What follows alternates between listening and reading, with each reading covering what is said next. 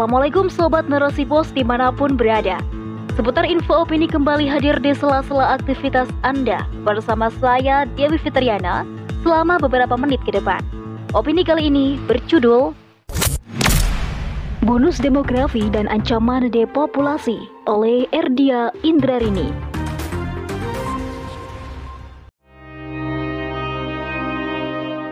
Indonesia tengah mendapat sebuah karunia bonus demografi di mana penduduknya didominasi usia produktif. Namun, apakah kesempatan emas ini mampu mengantarkan Indonesia menjadi negara maju dan mulia dalam peradaban? Atau justru menjadi bencana di masa mendatang? Presiden Joko Widodo yang dikenal dengan sebutan Jokowi mengatakan bahwa Indonesia akan menghadapi puncak bonus demografi di tahun 2030, di mana 68,3 persen penduduknya adalah usia produktif. Jokowi sangat optimis bonus demografi akan menjadi peluang bagi Indonesia untuk naik level menjadi negara maju. Hal itu ia sampaikan pada puncak acara LPDP Festival pada Kamis 3 Agustus 2023 di kota Kasablanka, Jakarta. Untuk itu Jokowi berusaha menyiapkan sumber daya manusia dari generasi mudanya, salah satunya dengan memfasilitasi beasiswa melalui Lembaga Pengelola Dana Pendidikan atau LPDP. Tujuannya agar para lulusannya bisa disalurkan sesuai kebutuhan dan visi negara. Senada dengan Jokowi, Menteri Ketenagakerjaan Ida Fauzia berpendapat bahwa bonus demografi harus dioptimalkan untuk menyambut Indonesia Emas 2045. Karena itu, Ida menjelaskan bahwa pemerintah telah berupaya menyiapkan SDM yang kompeten, salah satunya melalui Perpres 68 tahun 2022. Namun, berbeda dengan Jokowi dan Ida Fauzia tentang penduduk dan demografi. Menteri Perencanaan Pembangunan Nasional Suharso Monoarfa mengatakan bahwa pemerintah perlu mewujudkan pertumbuhan yang seimbang, salah satunya dengan menyusun program keluarga berencana atau KB era baru. Kebijakan ini dimaksudkan guna pengendalian kelahiran secara berencana berdasarkan wilayah dan kelompok sasaran. Bonus demografi adalah peluang yang dimiliki suatu negara karena besarnya proporsi penduduk produktif, yaitu rentang usia 16 sampai 64 tahun. Bonus demografi terjadi karena evolusi kependudukan yang dialami semenjak puluhan tahun sebelumnya. Puncak masa bonus demografi Indonesia diperkirakan terjadi di tahun 2030 sampai 2040. Karunia ini tentu harus dimanfaatkan seoptimal mungkin agar mampu mengantarkan menjadi bangsa yang maju, juga terangkat harkat dan martabat setiap individu bangsa bangsa. Untuk memposisikan diri menjadi negara maju, pemerintah telah jor-joran mempersiapkan SDM yang ada. Seperti yang dikatakan Presiden Jokowi bahwa pemerintah akan mengedepankan bidang pendidikan, kesehatan, juga karakter generasi muda agar ada peningkatan kualitas pada SDM. Namun seperti yang kita saksikan hari ini langkah yang ditempuh pemerintah tidaklah mencerminkan cita-cita menjadi negara maju. Pertama, dalam bidang pendidikan, pada bidang ini pemerintah telah memfasilitasi beasiswa melalui LPDP yang lulusannya akan disalurkan untuk memenuhi kebutuhan SDM. Pemerintah juga telah resmi meluncurkan peraturan presiden tentang revitalisasi pendidikan vokasi. Selain itu, pemerintah pun mencanangkan program Kampus Merdeka yang di dalamnya termasuk program magang dan studi independen bersertifikat. Padahal program ini adalah bagian dari kebijakan Merdeka Belajar Kemendikbudristek yang mendekatkan perguruan tinggi dengan dunia usaha dan industri. Dari langkah-langkah pemerintah itu artinya generasi muda hari ini hanya digiring untuk menjadi pekerja, yaitu sebagai budak-budak bagi dunia industri. Kedua, bidang kesehatan. Dalam hal ini pemerintah mencanangkan program keluarga berencana Program ini beralasan untuk menyelamatkan generasi, menjaga pertumbuhan penduduk yang seimbang, penurunan angka stunting, juga mempercepat penghapusan kemiskinan.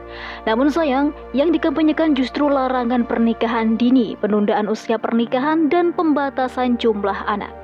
Betapa ironis di satu sisi pemerintah melarang pernikahan dini, menunda usia pernikahan dan membatasi jumlah kelahiran, namun di sisi lain pemerintah malah membiarkan meraja relanya pornografi porno aksi, juga pergaulan bebas. Maka tak heran jika banyak kasus hamil di luar nikah, pemerkosaan, aborsi, pembunuhan bayi, bahkan fenomena penyimpangan seperti LGBT. Seiring dengan itu, banyak generasi muda yang sudah nyaman bekerja dengan gaji dan materi. Mereka menyampingkan salah satu tugas utama sebagai hamba Allah, yaitu menikah dan melestarikan keturunan.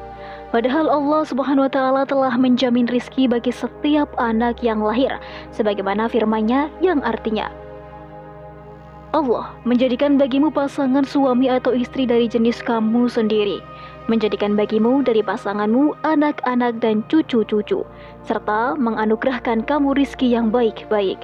Mengapa terhadap hal yang batil mereka beriman sedangkan terhadap nikmat Allah mereka ingkar? Quran Surat An-Nahl ayat 72 dengan demikian, maka sejatinya betapa riskannya program KB maupun Cash Pro ini. Karena ternyata bukan untuk menjadikan anak bangsa yang sehat jiwa raga hingga memiliki keturunan yang unggul dan memiliki pemikiran yang cemerlang, namun generasi muda justru digiring untuk senang belajang bahkan dihambat dan dibatasi dalam memiliki keturunan. Jika hal ini dibiarkan, bonus demografi hanya akan menjadi mimpi buruk belaka Bahkan di balik bonus demografi, dengan program ini justru terlihat ancaman depopulasi. Hal ini bukan ilusi semata, karena data BPS tahun 2022 menyebutkan bahwa jumlah pemuda lajang semakin meningkat setiap tahunnya. Angka pernikahan pun turun sebesar 25% dalam kurun waktu yang sama. Semua kenyataan itu terpampang di depan mata. Ketiga, program pembangunan karakter. Sebagaimana masyarakat ketahui bahwa pembangunan karakter adalah membentuk generasi yang tangguh, berakhlak mulia, beriman, dan bertakwa. Sebenarnya itu sudah ada dalam kurikulum sekolah, namun faktanya karakter beriman dan bertakwa pada Tuhan Yang Maha Esa tidak menjadikan suatu yang harus direalisasikan. Sebaliknya, pemerintah justru gencar menggaungkan agar generasi mempraktikkan paham-paham yang berasal dari penjajah seperti pemberian wawasan kebangsaan, moderasi beragama, juga anti-radikalisme. Dilihat dari langkah-langkah yang ditempuh pemerintah dalam menyambut bonus demografi untuk menjadikan bangsa dan negara yang maju sejajar lima negara besar lainnya, tentu itu mustahil terjadi. Semua itu hanya mimpi di siang bolong karena antara cita-cita dan langkah yang ditempuh justru bertolak belakang.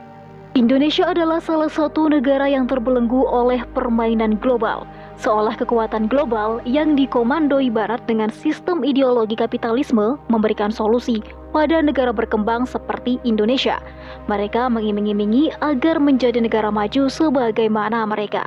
Tentu itu mustahil terjadi karena mana mungkin negara penjajah membantu negeri jajahnya agar sejajar dengan mereka sementara sistem dengan segala aturan permainannya mereka yang membuat. Fenomena seperti ini tidak terjadi di Indonesia saja, karena ini tentang rezim global yang ingin menguasai dunia. Rezim global yang dikomandoi Barat ini terus mengkampanyekan sistem ideologi kapitalisme di negeri-negeri berkembang. Tujuannya agar mengikuti arahan dan langkah-langkah yang mereka aruskan. Nahasnya, rezim lokal seperti Indonesia dan negara berkembang lainnya serempak patuh mengikuti arahan Barat. Dampaknya setiap terjadi masalah di sebagian wilayah negeri di dunia ini, yang lain juga akan mengalaminya. Inilah sistem kapitalisme yang sekuler dan liberal. Mirisnya hari ini ide-ide rusak itu telah masuk dalam kurikulum sekolah agar generasi memiliki cara pandang yang liberal, sekuler, modernis, hedonis, juga individualistis. Karena mindset berpikir generasi muda sudah sekuler dan liberal, maka mereka tidak lagi berpikir bahwa ia memiliki tanggung jawab meneruskan masa depan bangsa dan negara. Ia pun tidak berpikir bagaimana dan untuk apa melangsungkan keturunan. Berbeda dengan sistem Islam yang menyiapkan generasi, Sistem Islam memposisikan pemuda sebagai agen perubahan dan pemegang estafet kepemimpinan di masa mendatang. Oleh karenanya pemerintah akan menjadikan para pemudanya generasi yang unggul, ahli di berbagai bidang, beriman serta bertakwa kepada Allah Subhanahu wa taala. Tujuannya tentu mampu mengantarkan pada bangsa dan negara yang maju secara hakiki. Maksudnya bukan maju berdasarkan pertumbuhan ekonomi, juga bukan dari pendapatan PBD yang dibandingkan dengan negara lain seperti saat ini. Namun mampu mengantarkan pada kehidupan yang berakhlak mulia, sejahtera secara merata, dan terdepan dalam teknologi.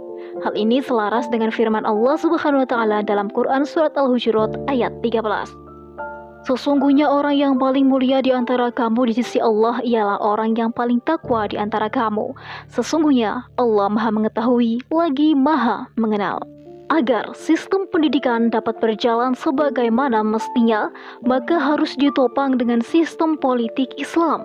Karena dengan sistem politik Islam, segala kebijakan, peraturan maupun undang-undang semua berdasarkan syariat Islam yang berasal dari Allah Subhanahu wa taala.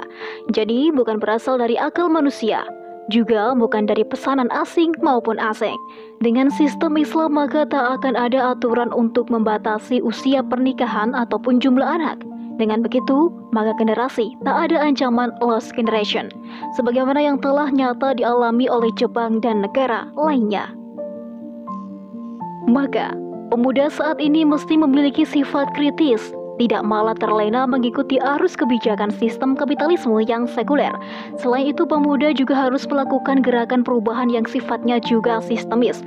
Untuk itu, dibutuhkan gerakan politik yang memiliki kesamaan visi, cita-cita, maupun cara pandang dalam melakukan perubahan.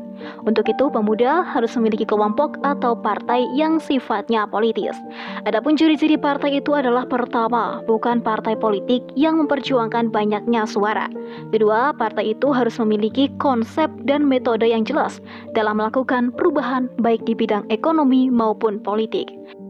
Ketiga, anggota partai politik harus diikat dengan ikatan yang sahih, bukan ikatan kepentingan atau kesukuan, juga bukan karena nasionalisme. Namun ikatan yang sahih itu adalah akidah Islam dan gerakan ini sifatnya global, tidak tersekat oleh nation state. Dengan demikian umat terutama generasi muda harus menyadari bahwa walaupun mendapatkan bonus demografi, namun negeri ini sedang tidak baik-baik saja. Jika hal ini dibiarkan, maka karunia bonus demografi hanya akan menjadi bencana di populasi. Karena itu, masalah politik yang bersifat sistemis harus diselesaikan dengan langkah-langkah yang sistemis juga. Maka, tak ada cara lain kecuali untuk mengganti sistem kapitalisme yang merusak ini dengan sistem kehidupan Islam yang sempurna karena sistem Islam berasal dari Allah Subhanahu wa taala. Wallahu alam bisawab.